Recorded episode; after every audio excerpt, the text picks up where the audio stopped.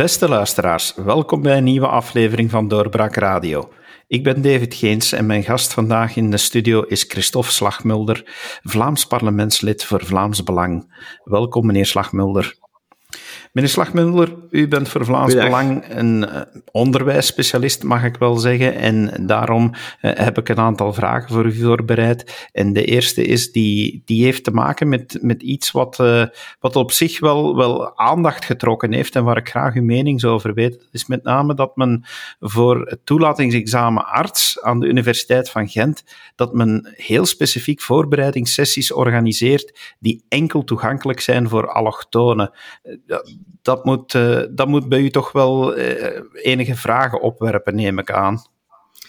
Inderdaad, uh, onlangs hebben wij enkele klachten ontvangen van Vlaamse studenten die ons wezen op het extra begeleidingsaanbod aan de UGent voor leerlingen met een migratieachtergrond die geïnteresseerd zijn in het toelatingsexamen arts en tandarts dat elk jaar georganiseerd wordt. De Gentse Universiteit uh, organiseert blijkbaar specifieke voorbereidingssessies die kaderen in het uh, project genaamd U-Gent in zicht om uh, meer allochtonen aan te trekken. Ze, ze, noemen het zelf extra lessen voor extra kleur. Ik vind dat er dus inderdaad sprake is van, van discriminatie, in, in dit geval positieve discriminatie, wat uh, ook nog steeds discriminatie is en blijft, uh, waardoor uh, autochtone Vlaamse leerlingen benadeeld worden. als een leerling met een migratieachtergrond interesse heeft voor het toelatingsexamen, dan krijgt hij of zij een, een voorkeursbehandeling. Leerlingen zonder migratieachtergrond, die worden gewoon doorverwezen naar de website over het toelatingsexamen, uh, waar ze alle informatie zelf maar moeten vinden en, en waar ze ook uh, voorbeeld uh, examenvragen kunnen inkijken en, en inoefenen. voor de rest kunnen enkel jongeren met een functiebeperking, zoals bijvoorbeeld dyslexie of, of dyscalculie, autisme en zo verder, gebruik maken van specifieke ondersteunende maatregelen tijdens dat toelatingsexamen. Nu, er zijn uh, genoeg autochtone leerlingen zonder beperking die uh, ook buiten hun lessen in uh, hun middelbare school extra steun zouden kunnen gebruiken. Ik denk bijvoorbeeld aan leerlingen die in de richting wetenschappen, moderne talen of, of economie, wiskunde zitten en die vrezen dat ze te weinig bagage hebben meegekregen ten opzichte van, van leerlingen in bijvoorbeeld wetenschappen, wiskunde om te slagen voor het uh, toelatingsexamen. Aan andere hoger onderwijsinstellingen uh, zijn er dan wel mogelijkheden tot uh, voorbereidingslessen, maar die zijn vaak betalend en ja, dat kan toch snel oplopen tot 100 à 120 euro. Dus ik heb onlangs hierover een, een parlementaire vraag gesteld aan minister Wijts, maar hij verdedigt die regeling. En, en hij zegt dat uh, initiatieven zoals die van uh, de UGent bijdragen aan een grotere diversiteit en, en niemand benadelen. Uh, hij vindt blijkbaar dat de kansen van jongeren zonder migratieachtergrond niet verminderd worden door het initiatief van de Gentse Universiteit op vlak van rangschikking voor de toelatingsexamens. Nu, met deze uitleg van de minister ga ik dus niet akkoord. Extra begeleiding waarbij de etnische herkomst het criterium is om te bepalen of je toegang hebt of niet, ja, dat is toch uh, discriminatie. Stel je maar eens het uh, omgekeerde voor. Opleidingen die uh, enkel voorbehouden zouden zijn aan autochtone Vlaamse leerlingen. Daar zou heel wat protest tegen komen. Het kot zou volgens mij heel snel te klein zijn. Dit is dus pure positieve discriminatie in het voordeel van uh, allochtonen die uh, wellicht de, de, capaciteiten niet hebben om, om de studies aan te vatten. Zij worden daardoor bevoordeeld, maar het doet ook tekort aan die allochtonen die dat wel zouden kunnen. ik vrees dat je zo alleen maar het beeld bevestigt dat allochtonen automatisch in een uh, achterstandsachtergrond zitten waar ze zogezegd helemaal niks kunnen aandoen. En het is tegelijk ook een, een achterstelling van Vlaamse kansarme leerlingen of van diegenen die in hun eerdere schoolcarrière een, een minder um, gepaste studiekeuze hebben gemaakt in de middelbaar. zij moeten vaak dure bijspijkerscursussen betalen, terwijl een allochtoon die uh, aan de Universiteit van Gent wil studeren, deze uh, momenteel gratis kan krijgen. Ik vind dat uh, elke kandidaat gelijkwaardig moet behandeld worden op basis van zijn of haar werkelijke capaciteiten. indien dat principe van gelijkberechtiging niet aanwezig is, dan is deze regeling eigenlijk in mijn ogen onrechtvaardig. Dus ofwel moet de UGent voor iedereen eh, toegankelijke voorbereidingssessies instellen, zodat uh, elke kandidaat, student gelijke kansen zou hebben. Ofwel moet dit uh, project stopgezet worden, zodat deze vorm van, van discriminatie verdwijnt. want in mijn ogen is het ook discriminatie. En ja, ik heb dus begrip voor de klachten die door enkele Vlaamse studenten hierover geformuleerd werden diversiteit in hoger onderwijs, dat kan natuurlijk een, een rechtmatige doelstelling zijn, maar ja, hoe, eigenlijk komt het erop neer dat, dat men toch alleszins als men dat gaat bewerkstelligen, dat u zegt van oké, maar dat mag niet ten nadele gaan uh, van anderen. Er, er, hoeft geen positieve discriminatie te zijn. Die voorbereidingslessen, oké, dat is allemaal goed, maar die zouden dan moeten opengesteld worden op, voor iedereen, ofwel op basis van, van, van bepaalde studies of, of afkomst of, of dergelijke, is, is dan niet het juiste criterium. Maar die diversiteit in, in het hoger onderwijs, is dat nu echt een, een regel die men aan het navolgen is? Wel ja, men ziet toch dat men uh, zoveel mogelijk diversiteit uh, wil te werk stellen uh, in, ons, in ons onderwijs, ook in het hoger onderwijs. Vaak zegt men dat onze onderwijsinstellingen en ook de hoger onderwijsinstellingen te wit zijn. Ik vind dat eerlijk gezegd een, een rare redenering.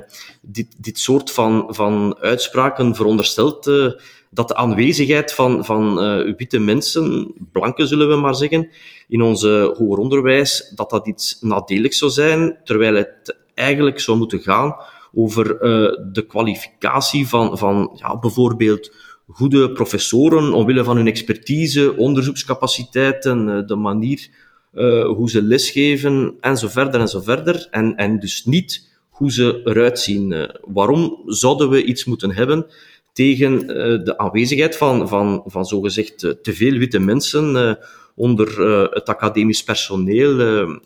de redenering waarbij gezegd wordt dat de samenstelling van een groep of een instelling te wit is. Ja, is dat eigenlijk ook geen racisme? Stel je voor dat er zou gezegd worden dat ze te bruin is geworden, dan zou onmiddellijk weer de racismekaart getrokken worden.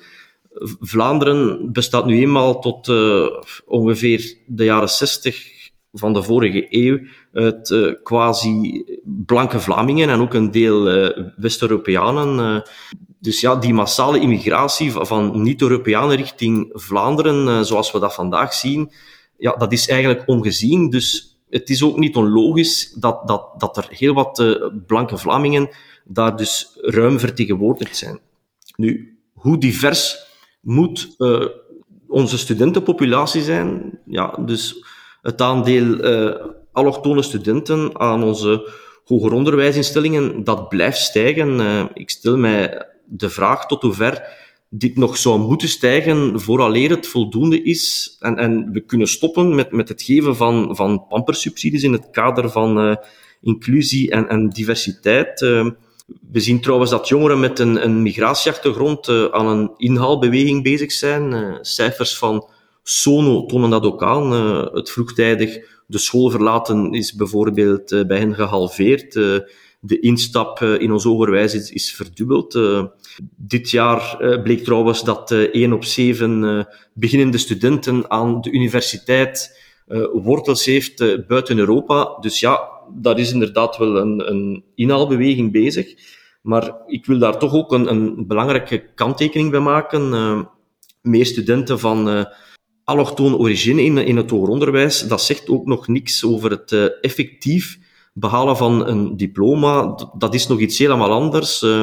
De Gentse Universiteit heeft daar onderzoek naar gedaan en ja, daaruit blijkt dat de helft van, van de bachelorstudenten met een niet-Europese achtergrond uiteindelijk geen diploma haalt. Meneer Slagmulder, betekent een democratisering van het hoger onderwijs in het algemeen dan dat het eh, een, een betere afspiegeling, afspiegeling moet zijn van de maatschappij? Uh, met dan het gevaar eventueel dat, dat uh, men gaat zeggen, ja, iedereen heeft uh, niet alleen kans op een diploma, maar zelfs recht op een diploma en dat daardoor de kwaliteit van het onderwijs dan zou zakken? In mijn ogen, uh, democratisering, uh, dat betekent dat diegenen uh, het qua verstandelijke capaciteiten en, en, en studievermogen aankunnen, maar, maar door bijvoorbeeld armoede het zich niet kunnen veroorloven, dat deze dus niet uitgesloten mogen worden. Maar daarvoor bestaan vandaag al allerlei financiële compensaties en, en andere voorzieningen voor studenten uit kansarme milieus democratisering uh, wil niet zeggen dat iedereen zomaar naar een uh, universiteit of, of hogeschool moet kunnen gaan. Een, een, student betekent nu eenmaal ook een uh, zware reële kost voor de Vlaamse overheid, ja, voor ons, de belastingbetalers. De, de overheid subsidieert ons hoger onderwijs enorm veel. voor de coronacrisis kost een student de overheid jaarlijks zo'n 12 à 13.000 euro. En door corona vrees ik dat deze kosten in de toekomst uh, nog zullen stijgen. Uh, we moeten uiteraard uh, blijven investeren in onze studenten, laat dat duidelijk zijn. De belangrijkste grondstof in Vlaanderen zijn en, en blijven onze hersenen. Maar ik vind wel dat we als samenleving moeten waken over een minimum aan kwaliteit bij de instroom in ons hoger onderwijs. Minder dan uh, eh, 50% van uh, de studenten slaagt uh, momenteel in het eerste jaar. Een, een foute studiekeuze betekent niet alleen tijdverlies voor de student, maar betekent ook een enorme kost voor de ouders en, en de samenleving. Want je hebt de kostprijs van de studie, plus daarbij ook nog eens de latere beschikbaarheid van de student op de arbeidsmarkt. Het blijft dus academisch en, en financieel gezien het heeft geen zin om, om iemand die qua intellectuele capaciteiten niet past in een bepaalde richting, om, om die daarin te duwen of om die richting aan te raden. Uh, dat geldt zowel voor autochtonen als allochtonen. Uh, iedere richting heeft nu eenmaal bepaalde vereisten en een goede kennis van het Nederlands bijvoorbeeld uh, is daar is, is in, in elke richting daar een van, eh, net zoals van, van uh, de kennis van Engels en Frans in heel wat richtingen, of een, een, een basiskennis wiskunde uh, voor de lessen statistiek, die je bijna in elke richting hebt. hoger onderwijs en, en dan zeker de universiteiten zullen nooit een, een, een goede afspiegeling zijn van, van de samenleving. Dat is van nature eigen aan deze instellingen omdat ze een, een groep van mensen verzamelen die beter scoren qua uh, intellectuele capaciteiten, of, of dat, dat zou toch zo moeten zijn, uh, om, om diploma-inflatie tegen te gaan. Uh, ons hoger onderwijs is nu eenmaal geen leerplichtonderwijs en er zijn daarbuiten voldoende andere opleidingen waarin iemand zich verder kan bekwamen in, in een minder theoretische vorming na het secundair onderwijs. Uh, ik denk maar bijvoorbeeld aan, aan de VDAB-opleidingen, de centra voor volwassenenonderwijs en, en ja, ook de, de, de ervaring op de werkvloer. Nu, de ondervertegenwoordiging van allochtonen uh, heeft dus niks te maken met uh, structurele discriminatie in ons onderwijs, zoals sommigen uh, wil beweren. Integendeel, dat is er gewoon niet, volgens mij. Iedereen kan zich inschrijven aan deze instellingen. Maar ja, er is wellicht een andere oorzaak. Het heeft, heeft, het misschien met interesse te maken? Is het een bepaalde attitude? Spelen er culturele factoren mee? Dus ja, ik vermoed eerder van wel.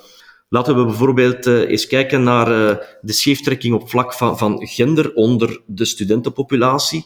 Al jarenlang is er een grotere aanwezigheid van, van vrouwelijke studenten in ons hoger onderwijs ten opzichte van hun mannelijke collega's, ja, moeten we hier dan ook gaan remediëren? We gaan toch ook geen voorbereidingssessies organiseren voor jongens in hun laatste jaar secundair waar meisjes niet welkom zijn, zoals de UGent nu doet voor mensen met een migratieachtergrond. zoiets zou ook te gek voor woorden zijn. Over ja, dit concrete fenomeen, daar, daar zijn al vele onderzoeken uh, gebeurd.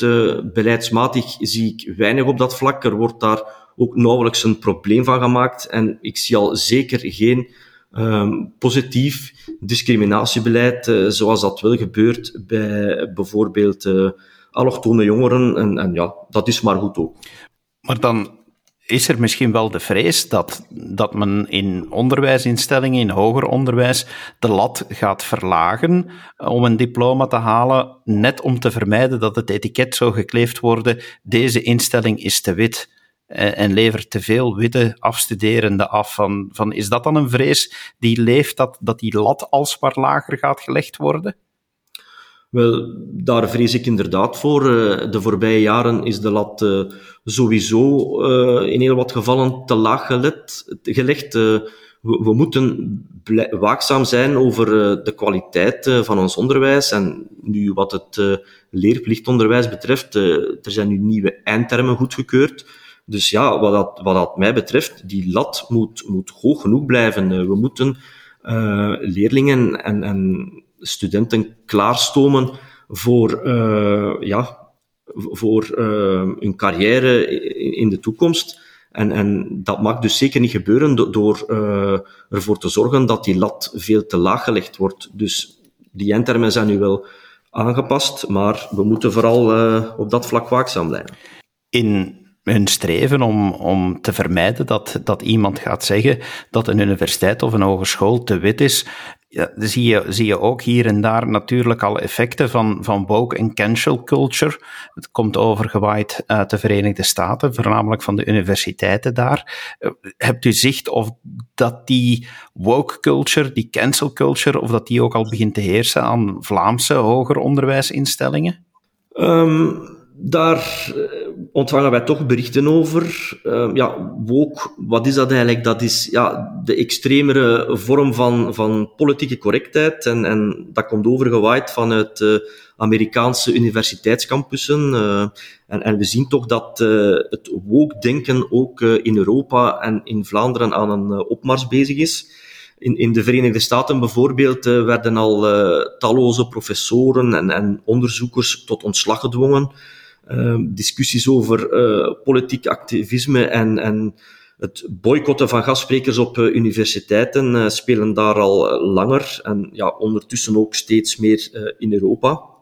Dat wordt trouwens ook bevestigd door professor Andreas de Blok, die in de richting filosofie daar onderzoek naar gedaan heeft, naar de, de, de politieke attitudes van het academisch personeel en studenten.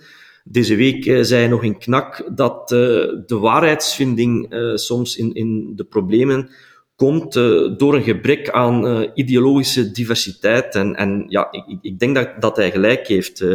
ook in Vlaanderen zijn er getuigenissen over het toenemende linkse klimaat op onze universiteiten, waarbij de minderheid van, van conservatieve of rechtse academici ja, die gediscrimineerd worden of, of die zich onder uh, druk gezet voelen.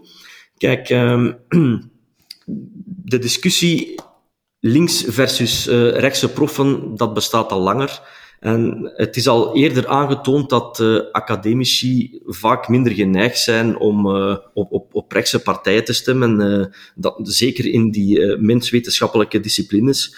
Nu, wat een, een, een professor of onderzoeker op politiek vlak, vlak denkt, uh, dat doet er eigenlijk weinig toe. Het gaat erom dat uh, aan onze hoger onderwijsinstellingen onderzoek en, en onderwijs onpartijdig moeten worden verricht, wat nu door dat opkomende woke-extremisme in het gedrang terecht te komen.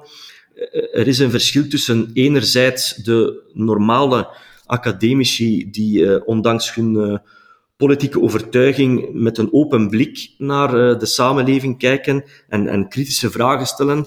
En dan anderzijds uh, de woke-onderzoekers die het uh, onderwijs en, en, onderzoek sturen om, om de, de, de onderzoeksvragen of, of resultaten die er niet uitkomen, ik denk dan aan op, op vlak van inclusie, diversiteit, klimaat, gender, om die te gaan negeren. Over alle denkbare onderwerpen moeten kritische vragen kunnen blijven gesteld worden, ook al zijn ze niet ook geïnspireerd, zonder, dan, zonder dat dan een bepaald deel van uh, het academisch personeel zich daardoor geïntimideerd moet voelen door hun linkse collega's. En, en ja, daar moeten we alleszins de vinger aan de pols houden. Die vinger aan de pols houden, gebeurt dat effectief? Heeft de overheid een manier waarop dat ze daarop toeziet in de onderwijsinstellingen? Wel, ik heb daar onlangs een vraag over gesteld aan minister Wijts, maar ja, zijn antwoord heeft mij toen een beetje ontgoocheld.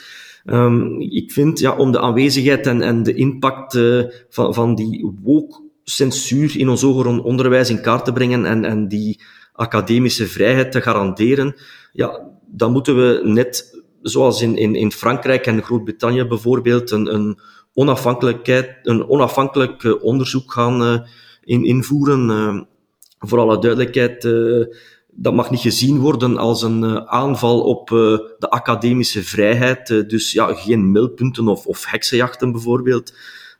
er moet volgens mij zeker altijd ruimte zijn voor maatschappijkritische visies in de wetenschap. de vraag is echter, in hoeverre zijn, zijn de wetenschappelijke visies binnen sommige vakgebieden momenteel te eenzijdig? Hoeveel wetenschappers durven openlijk en, en zeker degenen die aan het begin van hun carrière uh, staan, een, een, nog een tegengeluid geven aan, aan die groeiende woke-invloed. Uh, dus daarom ben ik voorstander van een uh, objectief en onafhankelijk onderzoek, net om het objectieve en onafhankelijke onderzoek binnen ons hoger onderwijs te, te beschermen. Meneer Slagmudder, dank u wel dat u dat hebt toegelicht, eh, dat u hebt uh, uitleg gegeven over de, de antwoorden die u gekregen hebt van minister Wijts. Bedankt voor uw tijd. En u, beste luisteraar, u hebt ook gemerkt dat er gewaakt wordt over hoe onze academische en hogere onderwijsinstellingen omgaan met woke en met de diversiteit. Een zeer interessant onderwerp. We blijven het uiteraard opvolgen bij Doorbraak Radio. Dank u wel om te luisteren en graag tot een volgende keer. Dag. Dit was een episode van Doorbraak Radio, de podcast van doorbraak.be. Volg onze podcast op doorbraak.be/slash radio of via Apple Podcasts, Overcast of Spotify. Bezoek ook onze website op doorbraak.be en steun ons door een vriend te worden van Doorbraak.